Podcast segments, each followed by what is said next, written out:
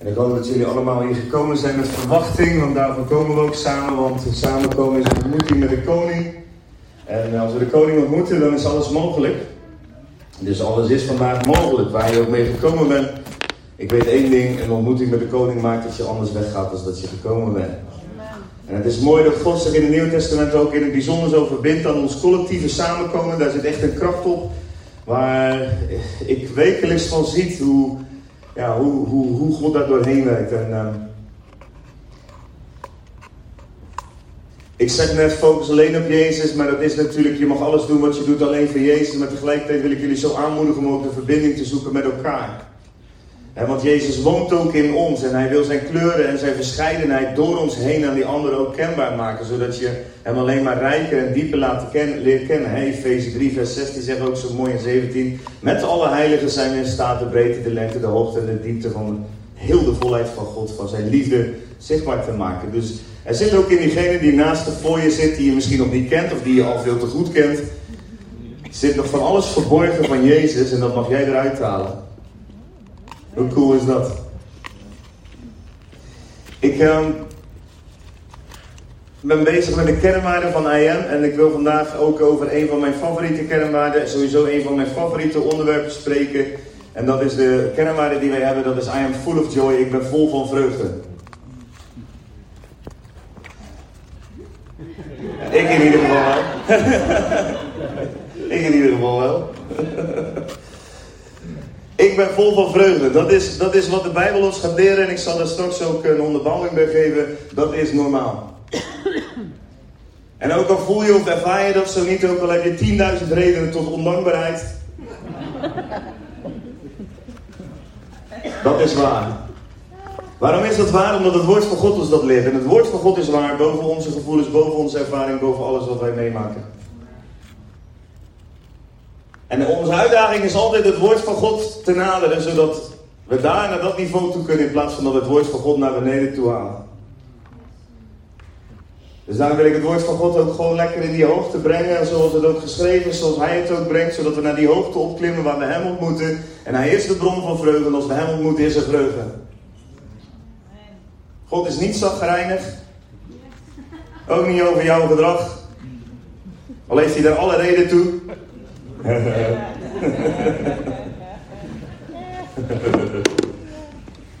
God is blij.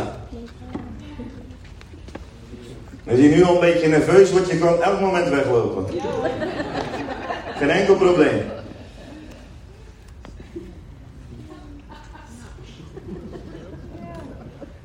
God is blij met jou.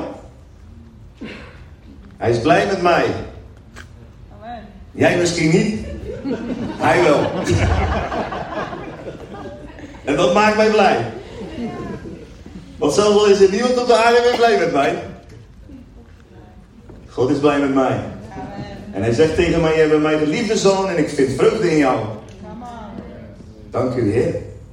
En hij zegt tegen jou, jij bent mijn geliefde zoon of dochter. En ik vind vreugde in jou. En jij gaat nu tegen jezelf zeggen, ik ben zijn geliefde zoon of dochter, dat mag je zelf in deze geval kiezen. Ook daar zijn allerlei discussies over. Maar over identiteit heb ik het de week ervoor gehad.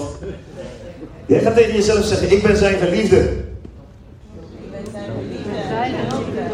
En hij vindt vreugde in mij. Als je het lastig vond om dit uit te spreken, dan kan dat komen omdat je niet goed begrijpt hoe God naar je kijkt. En dan zal ik dat heel kort uitleggen. Heel kort.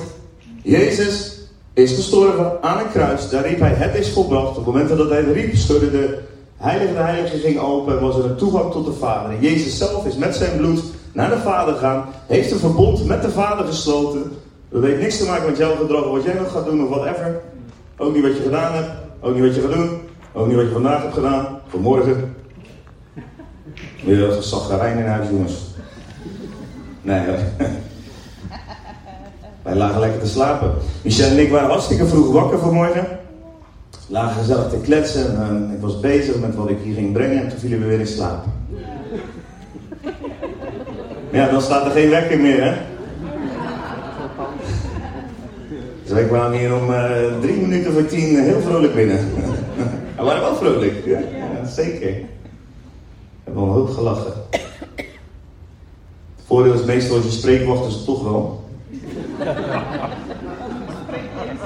Ja.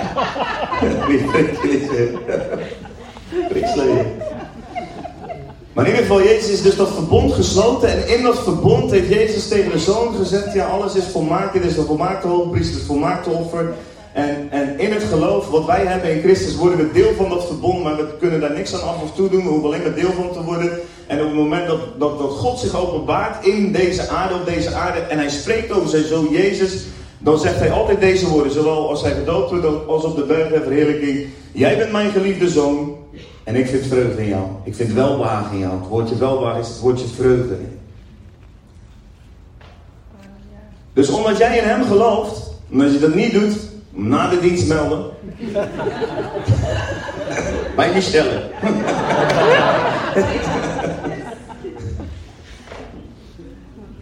nou ja zeg. Denken die sommigen, zo doe dat toch niet? Nee, ik weet ook niet waarom ik het. Hè? je bent gered. Je bent vrij. Je bent in Christus. Colossense 3. Ik ben met Christus verborgen in God. Dus als God naar mij kijkt, ben ik verborgen in Christus. En dan ziet hij dus zijn zoon. En door zijn zoon ziet hij mij wel, want hij houdt heel veel van mij. En omdat dat filter ertussen ziet, vindt hij zoveel vreugde in mij. Zelfs al maak ik er nog een potje van. Dat is wat. Word je er blij van? Ik wel.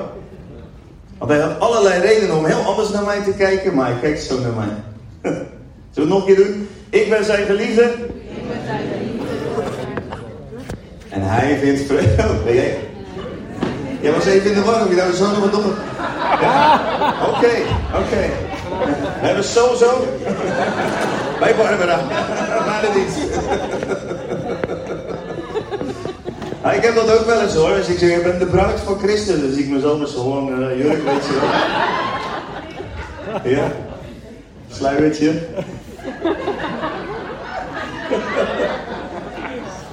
Loopt nog steeds niemand weg. Oh, wat oh toch wel. Ja, ik zit hier.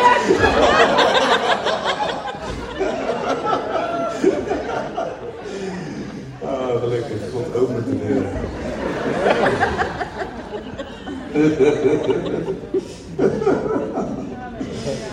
ja. Dus ja, de tijd die ik vanmorgen had om mijn preek door te nemen met de rijden heb ik doorgebracht in een diepe slaap. Dan denk je, ja, daarom sta je zomaar wat te zeggen. Ja, dat? Die, zie ik nou mensen knikken, denk je, wil ik je zomaar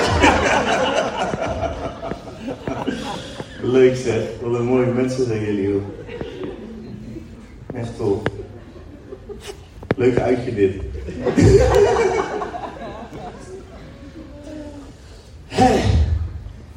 Oké, okay, serieus jongens. Oh, dat staat daar ook hè. Vreugde is een serieuze keuze. ja. Want het is namelijk niet makkelijk om te kiezen voor vreugde in een wereld die vol is met allerlei dingen die jouw vreugde probeert te roven. De vijand probeert altijd te roven. Jouw vreugde, jouw vrede. Misschien is jouw vreugde wel geroofd omdat je hier binnenkwam maar geen stoel had.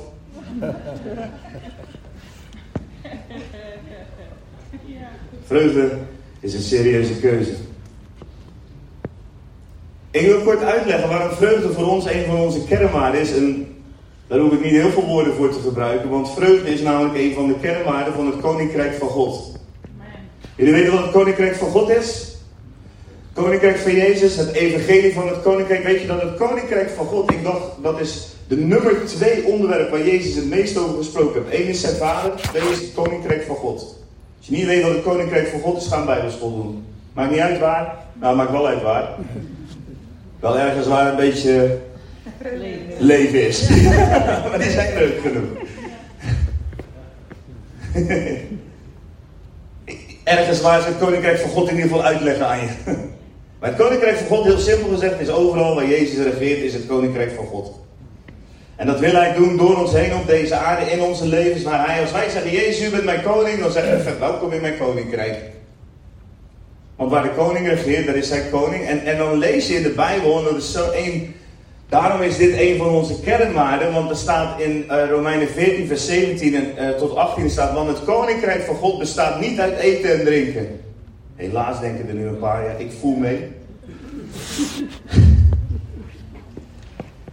maar uit gerechtigheid, vrede en blijdschap.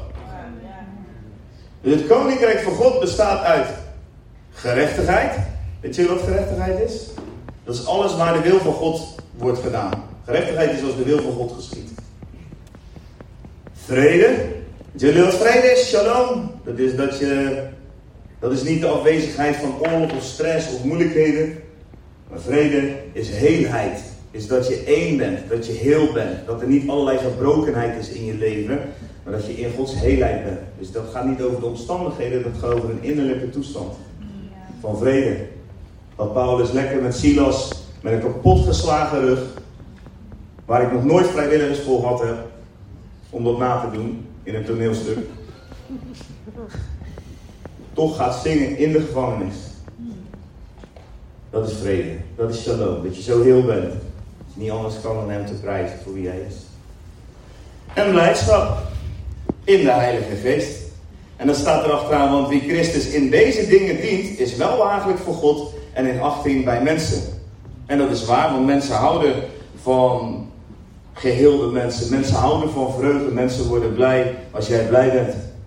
Dus de Bijbel leert ons dat blijdschap, vreugde, een onderdeel is van zijn koninkrijk. De Bijbel leert ons ook dit: zoek eerst het koninkrijk van God en zijn gerechtigheid. En al deze dingen zullen erbij gegeven worden. Dus als jij je leven richt op het zoeken van het koninkrijk van God, dan ga je vreugde, vrede en gerechtigheid vinden. Dus ook vreugde. Dus alleen daarom al is vreugde normaal. En we zullen nog veel meer dingen ontdekken waarom vreugde normaal is. Vreugde heeft allerlei functies. En die functies die God gegeven heeft door vreugde heen, die mogen wij ontvangen in ons leven. En ik noem er gewoon even kort een paar op. Vreugde is kracht. Vreugde is onze kracht. Ik kom straks nog wel bij al die Bijbelteksten. Maar ik wil het eerst even voor jullie neerzetten dat vreugde kracht is. Dus het is niet andersom, je krijgt eerst kracht en dan vreugde. Nee, als je vreugde hebt, heb je kracht. Vreugde is jouw kracht. Vreugde is de bron. Vreugde is, dat maakt dat je krachtig bent. Vreugde brengt genezing. Woord van God zegt een blij hart bevordert genezing. Als je blij bent. Michel en ik waren op een vrouwenconferentie. Daar liep een vrouw rond. Die was 88 of zo. Oma. Die was echt blij. Die vrouw was gewoon vol van Gods vreugde.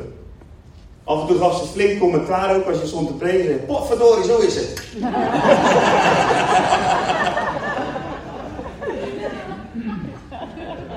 en ze vertelde, ze vertelde tegen mij, ze had haar man verloren en ze liep rond in het dorp en ze was zo blij. Mensen gingen erover praten. Zei ze, heb je geen verdriet? Ja, zei ze, ik heb wel verdriet, maar ik ben ook blij. Zij kende de vreugde van de Heer en er was zo'n kracht in haar leven dat het haar voortdurend in beweging hield. Letterlijk ook. En ik keek een paar keer naar die vrouw, ze leek een beetje op Corrie ten Boom, hè. Zo'n oudere vrouw vol en ze straalde gewoon. Heerlijk. Ik dacht, eerst wil ik ook wel oud worden, maar dan zonder die grijze krullen. Vreugde maakt de koning zichtbaar, hè? Zoek het koninkrijk van God. Als wij vreugde hebben, dan zien mensen iets van de koning, zien mensen iets van Jezus. En brengen we ook iets van God in deze wereld, want we gaan zo ontdekken dat God zo blij is hij is, hij is vreugde. En met vreugde eer je de Vader, omdat Hij wil dat wij gelukkig zijn. Dat is wat God wil. God wil dat jij en ik gelukkig zijn. Hij is een vader. En een goede vader verlangt ernaar dat zijn kinderen gelukkig zijn. Dat ze naar hun zin hebben. Dat ze plezier hebben in hun leven. Dat verlangt ook een aardse vader naar als het goed is. Dat het goed gaat met je kinderen. Dat je ziet dat ze blij zijn. Het is dus niet normaal als je niet blij bent. En ik snap dat dit wat heftig klinkt, daarom ga ik nog een poosje door voordat ik aan zeg. Maar ik wil dit toch zo stellen. Het is niet normaal dat je, als je niet blij bent. Ja, maar Albert, ik voel me zo en ik voel me zus. Ja. Dat is je gevoel, ja. En misschien geeft God juist wel een oplossing voor dat gevoel vandaag. Ik voel me zo, ik ben zo, alles om me heen en mijn omstandigheden, je weet niet waar ik doorheen ga. Ja. Ik weet ook niet waar je doorheen gaat. En ik kan één ding weten uit mijn leven wel, dat je pas weet waar iemand doorheen gaat als je er zelf doorheen gaat. Dus ik heb er ook geen oordeel over. Ik wil daar ook verder niets over, over zeggen. Ik weet wel waar wij zelf doorheen gegaan zijn in ons leven. Dat dingen af en toe voelden alsof je er de hel zelf heen moest. Dat weet ik. Ik weet wat pijn is, ik weet wat moeite is, ik weet wat ziekte is. Ik weet wat verlies is. Maar ik weet ook dat er God is die zegt, in dit alles wil ik jou overwinnen zijn. In dit alles wil ik jou vreugde geven. Ik wil juist in dit alles, wil ik juist mijzelf bewijzen aan jou.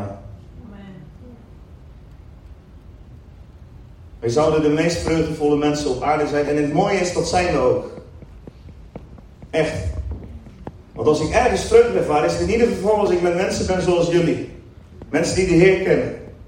Want voor de rest is er misschien een hoop lol. En een hoop gelach. En de wereld loopt met honderd maskertjes en elke keer is het een ander grapje en elke keer is het en uiteindelijk is het allemaal niks. Is het leeg, is het hol. Moeten ze pilletjes slikken om een nachtje blij te zijn. Dus in dat zin ben ik zo blij dat de Heer mij ook geleid heeft naar zijn hart. En dat ik aan zijn hart die vreugde heb leren kennen. Die al het andere te boven gaat. Die alles te boven gaat. Die vrede en die vreugde die hij geeft. En die maakt dat we door deze wereld heen gewoon in blijdschap en in vreugde kunnen leven. Te midden van alle gebrokenheid, te midden van alle pijn. Want laat je alsjeblieft niet foppen door de vreugde van de wereld. Echt niet. Want mensen die zitten de hele dag achter Netflix te bingen om, om, om, om iets van een gat te vullen. Ja, dan heb je misschien vier lachsalvo's met, met zo'n bandje eronder. Zodat je weet wanneer je moet lachen. Zo'n gedresseerde aaf. De wereld lacht wel veel, maar het is niet vreugde. Er is een heel groot verschil tussen de lol of de lach en vreugde.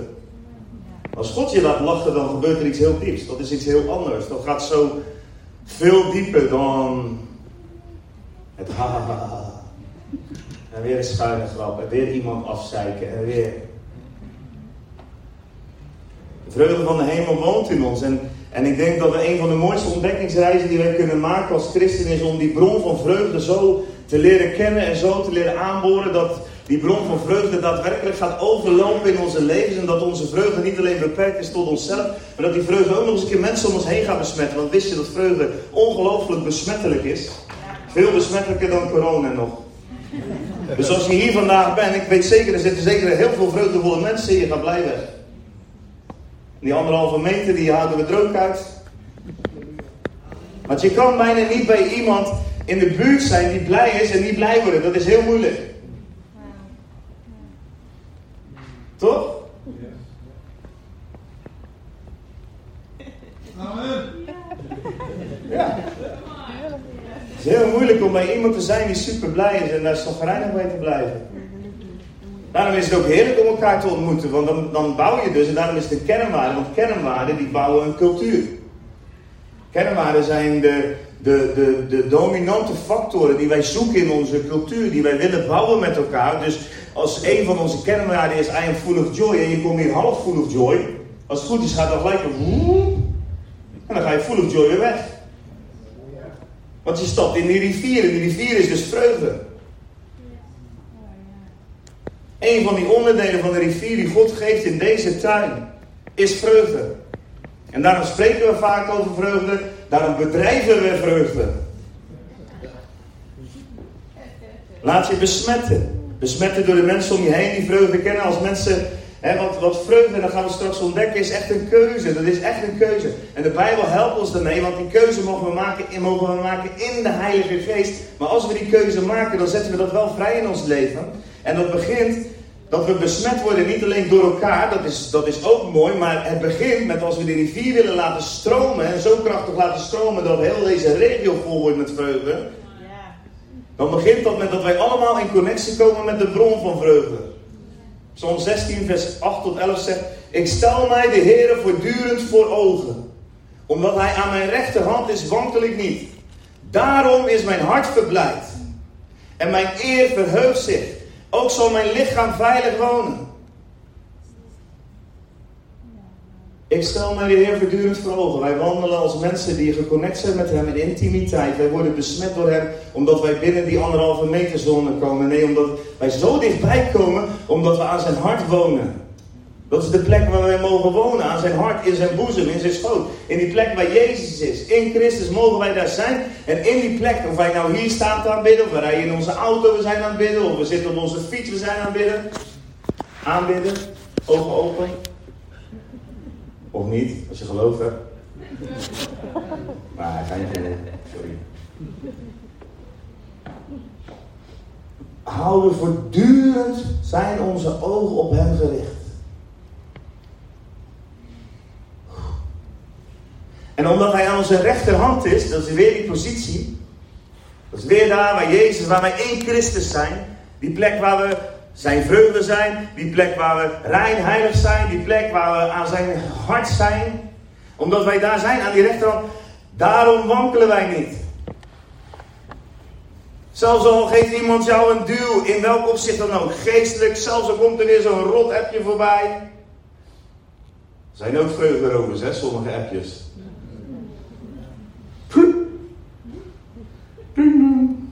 Ik ben nu tien minuten bezig om uh, die keuze weer te maken voor vreugde. Of langer. Daarom is mijn hart verblijd en mijn eer, je kados, de glorie die op je leven is, degene wat jij bent, verheugt zich.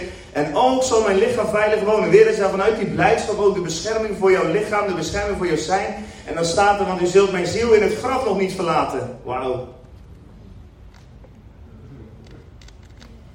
Daarom is zo, u zult mijn ziel in het graf zelfs niet verlaten. Wauw. En u laat niet toe dat u heilige ontbinding ziet. We zullen gewoon overgaan vanuit dat voortdurend in zijn aangezicht zijn. Waar we voortdurend die focus op hem hebben. Gaan we gewoon vanuit het leven, gaan we al aanbiddend, gaan we gewoon ja, level verder. En, en we zien niet eens dat we ontbinden. We gaan zelfs in het graf ons niet verlaten voelen. Wauw. Want u maakt mij het pad te, leven bekend. En dan komt er een van mijn allerfavorietste versen uit de Bijbel. Er staat overvloed van blijdschap is bij uw aangezicht. Dit is de kernwaarde. Dit is het feit dat het dus in het hart van God, bij zijn aangezicht, wat wij mogen zoeken, met onbedekt aangezicht mogen wij toegaan. En mogen we als in die spiegel kijken en mogen we veranderen van heerlijkheid tot heerlijkheid. Nou, het eerste wat je ziet in die spiegel is blijdschap. God is blij. God is heel blij.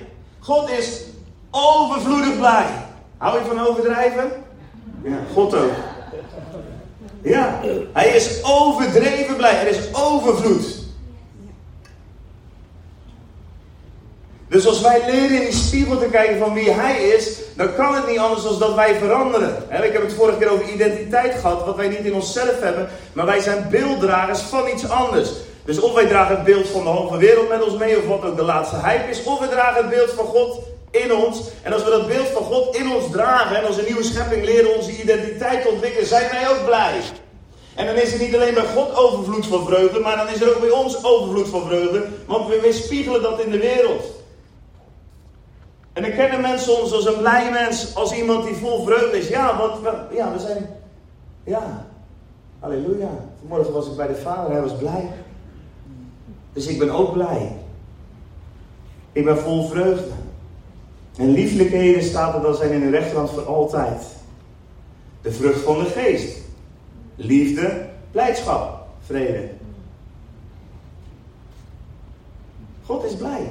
Als hij in jou komt wonen door zijn heilige geest, komt de blijdschap in jou wonen. Dus als jouw leven door zijn inwoning en door zijn zalving op jouw leven steeds meer vrucht gaat dragen. Zijn karakter is dat eigenlijk, hè? De Bijbel zegt, wie is met God verenigd, is één geest met hem. Dus als wij één ons met hem verenigen, net als dat ik met mijn vrouw verenigd raak, steeds meer 25 jaar, we gaan steeds meer in de goede zin op elkaar lijken. We blijven volledig unieke personen, maar we nemen de mooie dingen van elkaar over.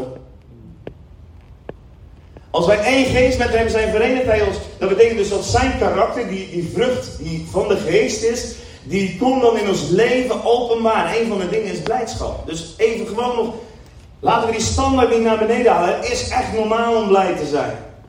En ik snap hoor, dit kan echt rammelen in je hart. Want misschien heb je te kampen met depressie, misschien heb je te kampen met somberheid, misschien zijn er allerlei dingen in je leven. Maar het is niet normaal. Het is niet Gods wil. Het is niet Gods voorziening voor jouw leven. Hij is de bron van vreugde. Tweede wat hier achter ook staat, vreugde is een serieuze keuze. Vreugde vraagt ook iets van ons. Zoals alle mooie dingen in het leven vaak vragen om een bepaald offer, om een bepaalde discipline, om een bepaald doorzettingsvermogen, wat gelukkig ook weer een vrucht van de geest is, want zelfs dat hoeven we niet zelf te doen. Zo vraagt vreugde ook iets, namelijk dat wij telkens weer een hele serieuze keuze maken om die vreugde toe te laten.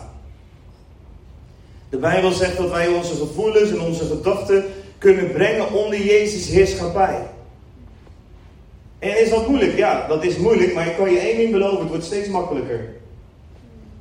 Want je moet het leren. Je moet gedrag aanleren, nieuw gedrag. Als jij wederom geboren bent, moet jij dus die nieuwe mens, daar moet je jezelf mee bekleden. Die moet je aantrekken. Dat is een actief proces. De Bijbel zegt in Filippenzen 4, zegt, verblijd u altijd in de Heer. Ik zeg u opnieuw, verblijd u. Dat is actief. Dat is iets wat je moet doen. Als ik hartstikke moe ben of zagrijnig, dan kan ik gewoon mezelf gaan verblijden in de Heer. Hoe? Nou, bijvoorbeeld door worshipmuziek aan te zetten, lekker mee te gaan zingen. Nou, binnen de kortste keren is die donderwolk verdwenen. Want dat kan helemaal niet tegen die aanwezigheid van God die je binnenhaalt. Dat moet, dat moet wijken. Je kan die twee bestaan niet naast elkaar. Ga lekker bidden. Ga in tongen spreken. Als je nog niet in tongen spreekt, meld maar naar de dienst bij Barbara.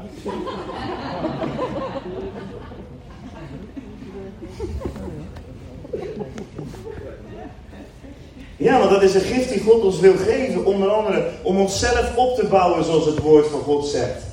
Wie dan spreekt in tongen bouwt zichzelf op. God geeft ons de middelen om die serieuze en soms moeilijke keuze. Het is niet dat hij ons daarin alleen laat. Nee, hij geeft ons ook de middelen waardoor we dat kunnen doen. Waardoor we die blijdschap in ons leven kunnen cultiveren. Waardoor we telkens weer opnieuw een keuze kunnen zijn om in blijdschap te leven, ook al zit alles tegen. Uw welwillendheid zij alle mensen bekend. De Heer is nabij. Wees in geen ding bezorgd. Maar laat uw verlangens in alles door binnen smeken met dankzegging bekend worden bij God. Dankzegging. Wil je blij worden? Nou, ga danken. Ga danken voor wat hij gedaan heeft. En als je dat allemaal soms lastig vindt om dat te onthouden, wat hij allemaal in je leven gedaan hebt, maak een muur. Maak een soort wall of fame of the Lord. Ja, dat je gewoon de dingen kan zien die hij gedaan heeft. En dat je naar zo'n muur toe kan lopen, of misschien iets op je telefoon, waardoor je gewoon weer weet: oh, ik ben zo dankbaar voor dat en dat en dat en dat. Besef je ook dat je dankbaar mag zijn voor elke ademteug die je haalt, omdat je leeft van geleende adem. Dus je kan ook gewoon. Oh, dank je. Ja. Dankbaarheid is zo'n sleutel. Dankbaarheid, dat leert de Bijbel ons. Ik kan je een preek apart overhouden, dankbaarheid. Maar als wij gaan danken, dus voor de dingen die hij gedaan heeft. We kunnen danken voor de dingen die hij aan het doen is. En we kunnen zelfs nog danken voor de dingen die hij nog gaat doen. Dat leert de Bijbel ons ook. Zo ja. We kunnen dus al gaan danken, we kunnen hem al gaan prijzen voor de dingen die in zijn beloftes verborgen liggen over ons leven. En dat zet kracht vrij. Dat zet ook blijdschap vrij. Want dat maakt weer dat je hart vol vreugde wordt, omdat je weet dat uiteindelijk de beloftes van de Heer veel meer waard zijn dan wat je nu ziet, voelt of ervaart of wat er om je heen gebeurt. En dan stijg je dus uit, dan stijg je naar dat level toe waar God jou wil hebben aan zijn hart. Dan zegt dat Paulus gaat verder, maar dankzij. En dan zegt hij verder, verder broeders, al wat waar is, al wat eerbaar is, al wat rechtvaardig is, al wat rein is, al wat lieflijk is, al wat welluidend is, als er enige deugd is, als er iets prijzenswaardigs is, bedenk dat. Paulus leert ons hier een hele belangrijke sleutel over blijdschap, sowieso over allerlei dingen. Hij leert ons hier dat wij ons denken dus kunnen beïnvloeden, dat wij dus heersen over ons denken en niet ons denken heerst over ons. Dat wij ook heersen over ons gevoel en niet ons gevoel heerst over ons.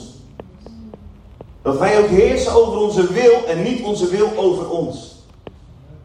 Die dingen in ons, onze ziel is niet een soort los iets wat niet onder de heerschappij staat. Nee, wij mogen dat onder de heerschappij brengen van onze geest, die verenigd is met de Heilige Geest, zodat wij regeren over die ziel van ons. Is dat lastig? Ja, dat is de grootste uitdaging die we hebben in ons leven. Maar het is niet onmogelijk. Het is wat we mogen leren. Het is waar we in mogen leren wandelen. De Bijbel leert het ons. Bedenk dat. Dus oké, dus je wordt wakker met een nare gedachte. Dat kan. Of een nare gedachte overvalt je zomaar op enig moment. Of dat appje komt langs en je voelt van alles opeens. Nou, dan zegt de Bijbel, weet je wat je moet doen? Dan moet je gewoon gaan bedenken, alles wat waarheid is, wat eerbaar is, wat rechtvaardig is, wat rein is, wat liefelijk is, wat welluidend is, wat enige deugd is. Alles wat prijzenswaardig is. Dus waar ga je aan denken? Wat zoek je op? Wat stel je jezelf voor ogen? Hoe vul je gedachten? Dus je kan je gedachten kan je op een goede hemelse manier manipuleren. Want dat is geen manipulatie. De vijand manipuleert. Die komt op elk moment binnen met zijn pijlen. Die blaast dat in je oor. En... Maar de hemel geeft ons allerlei gedachten die vol zijn van zijn heerlijkheid. Vol zijn van zijn vreugde. Vol van zijn glorie. En wij mogen die dingen bedenken. Wij mogen ons denken brengen onder de krijgsgevangenschap van Christus. Wij nemen elke gedachte, zegt het woord van God, gevangen. Om die te brengen tot gehoorzaamheid aan Christus. 2 Korinthe 10 staat dat ergens. Dat het tijd is. Maar ik wil jullie hier dan ook gewoon zo in zegenen. Want vreugde, en dat moet je echt, ik wil, als dit alleen al is wat je meeneemt van dit moment. En ik, wil ook gaan bidden voor jullie, voor meer vreugde in jullie leven. Vreugde is dus niet een gevolg, maar vreugde is een oorzaak. Dit is echt belangrijk. Vreugde is niet een gevolg van. Want als dat zo is, hè, als vreugde het gevolg is van je omstandigheden, van je gevoel enzovoort, dan is er dus geen stabiele vreugde te behalen. Dan zal elk moment zal alles kunnen veranderen. Kan elk moment jouw vreugde groot worden, want alles is instabiel. Maar er is maar één ding stabiel en dat is Jezus zelf. Dat is die rots, dat is God zelf, dat is de Vader. Bij wie overvloed van vreugde is. En wij kunnen het in elk moment kunnen we daar in en uit gaan. Elk moment kunnen we gaan bedenken wat prijzenswaardig is. Dat wat eerbaar is, dat wat goed is, dat wat Hij zelf is. En dan kunnen we daarmee dus al die gedachten, al die gevoelens, of die wil van ons, die soms allerlei dingen wil, die wij helemaal niet willen. Die kunnen we onder de krijgsgevangenschap brengen van Christus. Die kunnen we in zijn handen brengen. Die kunnen we, die kunnen we op een goede manier manipuleren. Want dat is geen manipulatie, dat is eigenlijk wat God ons gegeven heeft om een leven te leven wat vol van vreugde is. Dus laat je besmetten. Laat je besmetten door de aanwezigheid van God. Maak telkens weer die keuze heel bewust. Heel bewust. Die momenten dat het je aanvalt, op de momenten dat je het last hebt, maak die keuze om je gedachten te gaan vullen. Ga iets moois lezen, ga in het woord lezen. Ga, ga hem aanbidden, ga iets doen. Ga, vul je gedachten met dingen die prijzenswaardig zijn. Maak die serieuze keuze. En waarom heb ik gezegd een serieuze keuze? Omdat het ook echt moeilijk is. Het is ook moeilijk. Nog twee dingen, ik zal het heel kort houden dan. Hervorm je godsbeeld. Zorg dat je godsbeeld op orde is. Want er waren hier misschien wel mensen die dachten dat God helemaal niet zo blij was, omdat ze alles hebben gehoord over een toornige God of allerlei dingen gelezen hebben in de Bijbel, zonder dat ze de openbaring en het verbond en het nieuwe verbond daadwerkelijk begrijpen dat je daarin een vreugde voor hem bent. Nou, zorg dat je van dat godsbeeld afkomt door het voortdurend te spiegelen aan wat het woord van God zegt, wat het Nieuwe Testament openbaart over jouw God. Er zijn zoveel mensen die, die worstelen met een perfectionisme bijvoorbeeld. Nou, perfectionisme is echt een vreugde erover. Echt waar. En, en dat komt uiteindelijk voort van over hoe jij over God denkt. Want zolang jij nog denkt dat God heel perfectionistisch is en alles goed moet zijn. En je niet begrijpt wat genade is, dat je nog niet helemaal begrijpt dat het nieuwe verbond jou helemaal vrij zet daarvan. Dan blijft dat perfectionisme ingang vinden. En perfectionisme is niet van God, echt niet. En het rooft je vreugde. Want telkens als je iets bereikt is het nooit goed genoeg. Nooit goed genoeg. Oh, een leugen. Verbreekt het over je leven. Mensen hebben last van een oordelende boze God. Die is er niet meer. Ik begin uitgelegd. Als je dat niet gelooft, ga het onderzoeken. Hij, hij is geen oordeel meer voor wie in Christus Jezus. Er is geen oordeel meer voor jou. Er is geen veroordeling meer voor jou. Het is er niet. Dus als jij je veroordeeld voelt, leef je in een leugen. Simpel. En dan als laatste die ik nog vandaag even wil noemen, want die vind ik wel belangrijk. En ik ben daar tot nu toe een beetje voorbij gegaan is zorg dat je innerlijk geneest. Want natuurlijk is er verdriet in de wereld. Natuurlijk zijn er moeite in de wereld. Natuurlijk is er pijn. Natuurlijk kan je ziek zijn, is dat verschrikkelijk. Maar God wil daarin genezing brengen. We moeten onze emoties niet wegduwen. Dat is niet wat ik heb bedoeld te zeggen met het feit dat wij onze gedachten gevangen mogen, dat we onze gevoel onder gehoorzaamheid van Jezus hebben. Dat is niet wat wij bedoelen met een kernwaarde I am full of joy, dat je je emoties wegdrukt. Nee, die heeft God je ook gegeven. waarom heeft God jou emoties gegeven? Hij heeft jou die emoties gegeven zodat je heel kan worden. Zodat dat wat gebrokenheid in jouw leven doet, waardoor je soms zo scherper voelt, geheeld kan worden. Waardoor, omdat jij komt met jouw verdriet bij Hem en dat Hij er troost in kan brengen. Dat Hij zijn Heilige Geest, die notabene de naam trooster draagt. Troost kan brengen. Zodat ook die pijn geheeld wordt. Want het is Gods bedoeling niet dat jij je pijn overschreeuwt. Echt niet. Het is allereerst zijn bedoeling dat jij genezing vindt, waardoor uiteindelijk heelheid komt, waardoor die shalom in je leven een plek krijgt. Ongeheelde pijn, ongeheeld verdriet, dat zijn enorme vreugderovers. En dan hebben wij wel de verantwoordelijkheid om te zorgen dat Gods heling daarin kan komen.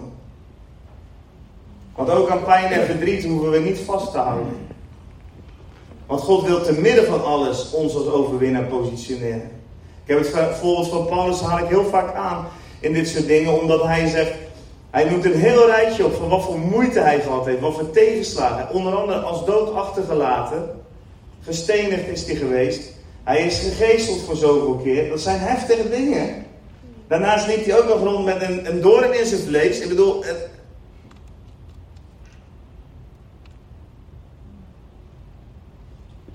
Maar hij wist de weg naar God en hij wist de weg naar troost en hij wist de weg naar heling. Jezaja 40 zegt zo mooi, troost, troost mijn volk. En als je dat dan leest, dan staat er, en dan zal ik een effen weg maken voor de koning. Zo het voorlezen, troost, troost mijn volk. Zal God zeggen, spreek naar het hart, roep haar toe dat haar strijd vervuld is, dat haar ongerechtigheid verzoend is en dat zij uit de hand van de Heer het dubbel ontvangen heeft. Voor alles wat er misgegaan is in je leven, voor al haar zonden, voor alles wat dood is. Een stem van iemand in de woestijn Bereid de weg van de Heer. Maak recht in de wildernis. Een gebaande weg voor onze God. En alle dalen zullen verhoogd worden. Alle bergen en heuvels zullen verlaagd worden. Want krom is zal recht worden. Wat rotsachtig is zal een vlakte worden. En de heerlijkheid van de Heer zal geopenbaard worden. Dat is wat troost doet. Dat is wat heling doet. Daarom is dat ook ongelooflijk belangrijk als wij blije mensen willen worden. Daarom hebben ik en Michelle, wij deden zelfs hele avonden voor de Heilige Geest. Je gewoon kon gaan helen wat er in ons leven ik zeg dit wel vaker, maar je bent voor volmaaktheid gemaakt. Ooit was je bedoeld voor volmaaktheid. En alles wat niet volmaakt is in je leven, heeft jou beschadigd. Alles. En dat is veel. Daarom heb ik ook heel veel tijd doorgebracht met de Heilige Geest. En zaten wij soms hele avonden te huilen. Gelukkig zaten we ook hele avonden te lachen. Want ook daar was troost in. Dat de Heilige Geest kwam en dat je gewoon leerde te lachen. Om de dingen die de vijand je aan had gedaan. Dat je er ook twee uur lang in een stoel zat. Dat je echt van God stop alsjeblieft. Want ik heb zo'n pijn. Van mijn buik van het lachen. Maar het doet ook pijn hoor. Als het poosje doorgaat. Maar dan denken jullie dat ik zulke buikspieren heb.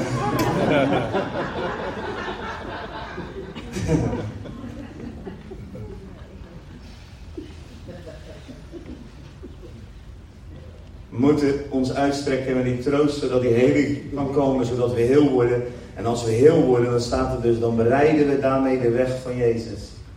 Want dan gaan die bergen gaan naar beneden. Die dalen gaan omhoog. Wat krom is, wordt recht. En we bereiden een rechte weg voor God zelf. En de heerlijkheid van de Heer zal geopenbaard worden. Daar is die heerlijkheid van God weer. De heerlijkheid van God is dat we Hem zien. Van aangezicht tot aangezicht. En dan zien we die vreugde. Overvloed van vreugde. Kijk gewoon eens een moment met me mee. Sluit je ogen. Als je wil, hè, je hoeft hier nooit iets, je moet hier nooit iets. Als je liever niet blij wil worden, is ook goed. Oh, oh vervelend.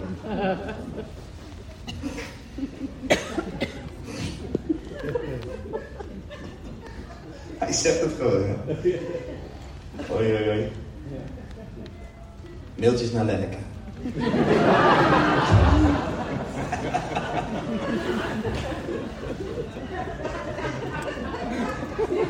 Ja.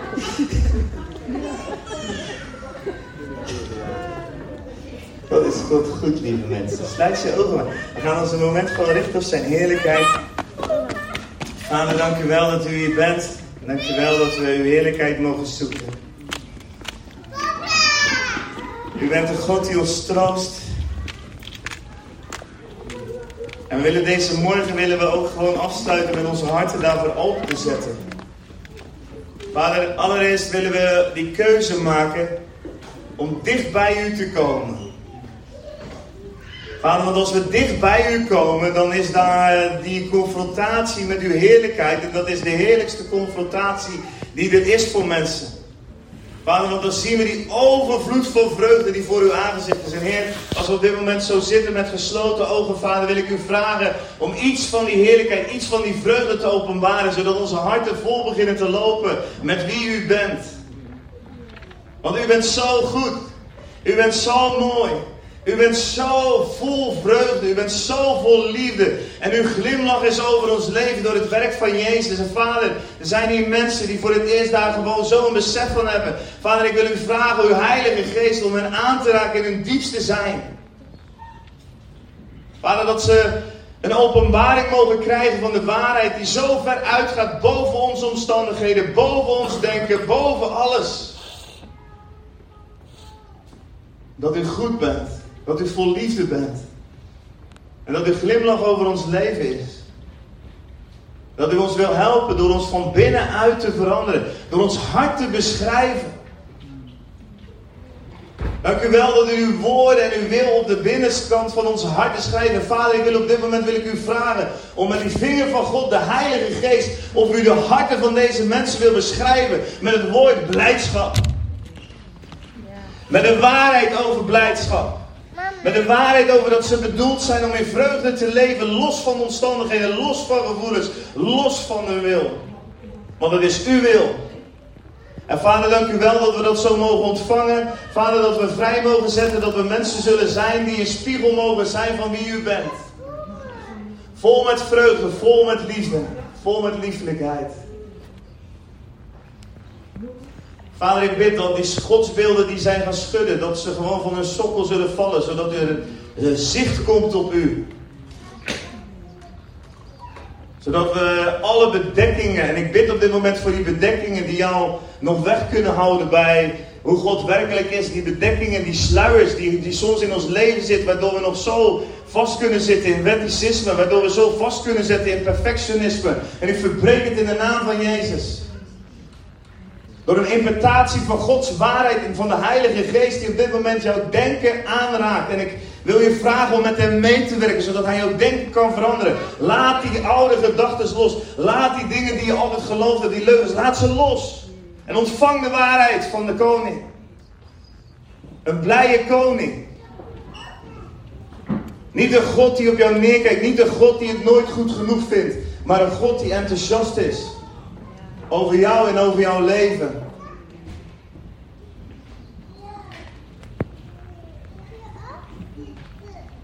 En ik wil je gewoon vragen op het moment als iets zo heel erg aangesproken hebt. En je wil daar gewoon doorheen breken om dat ook kenbaar te maken door een stap te doen en naar voren te komen. En dan willen we gewoon gaan bidden. We willen bidden voor als de depressie jouw leven lastig valt, dat het weg zal gaan.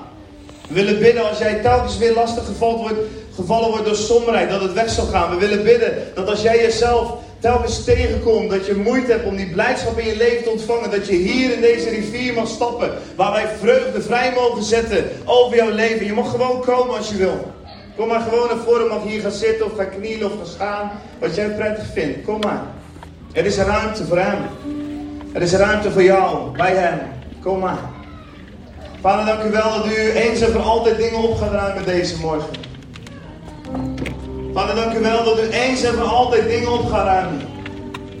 Uw heerlijkheid, uw glorie, uw waarheid. Want u bent goed en uw liefde is oneindig. En ik wil gewoon vragen, Michelle, ga maar bidden voor de mensen. En Lenneke, en als de mensen zijn, en als je, zet het maar vrij.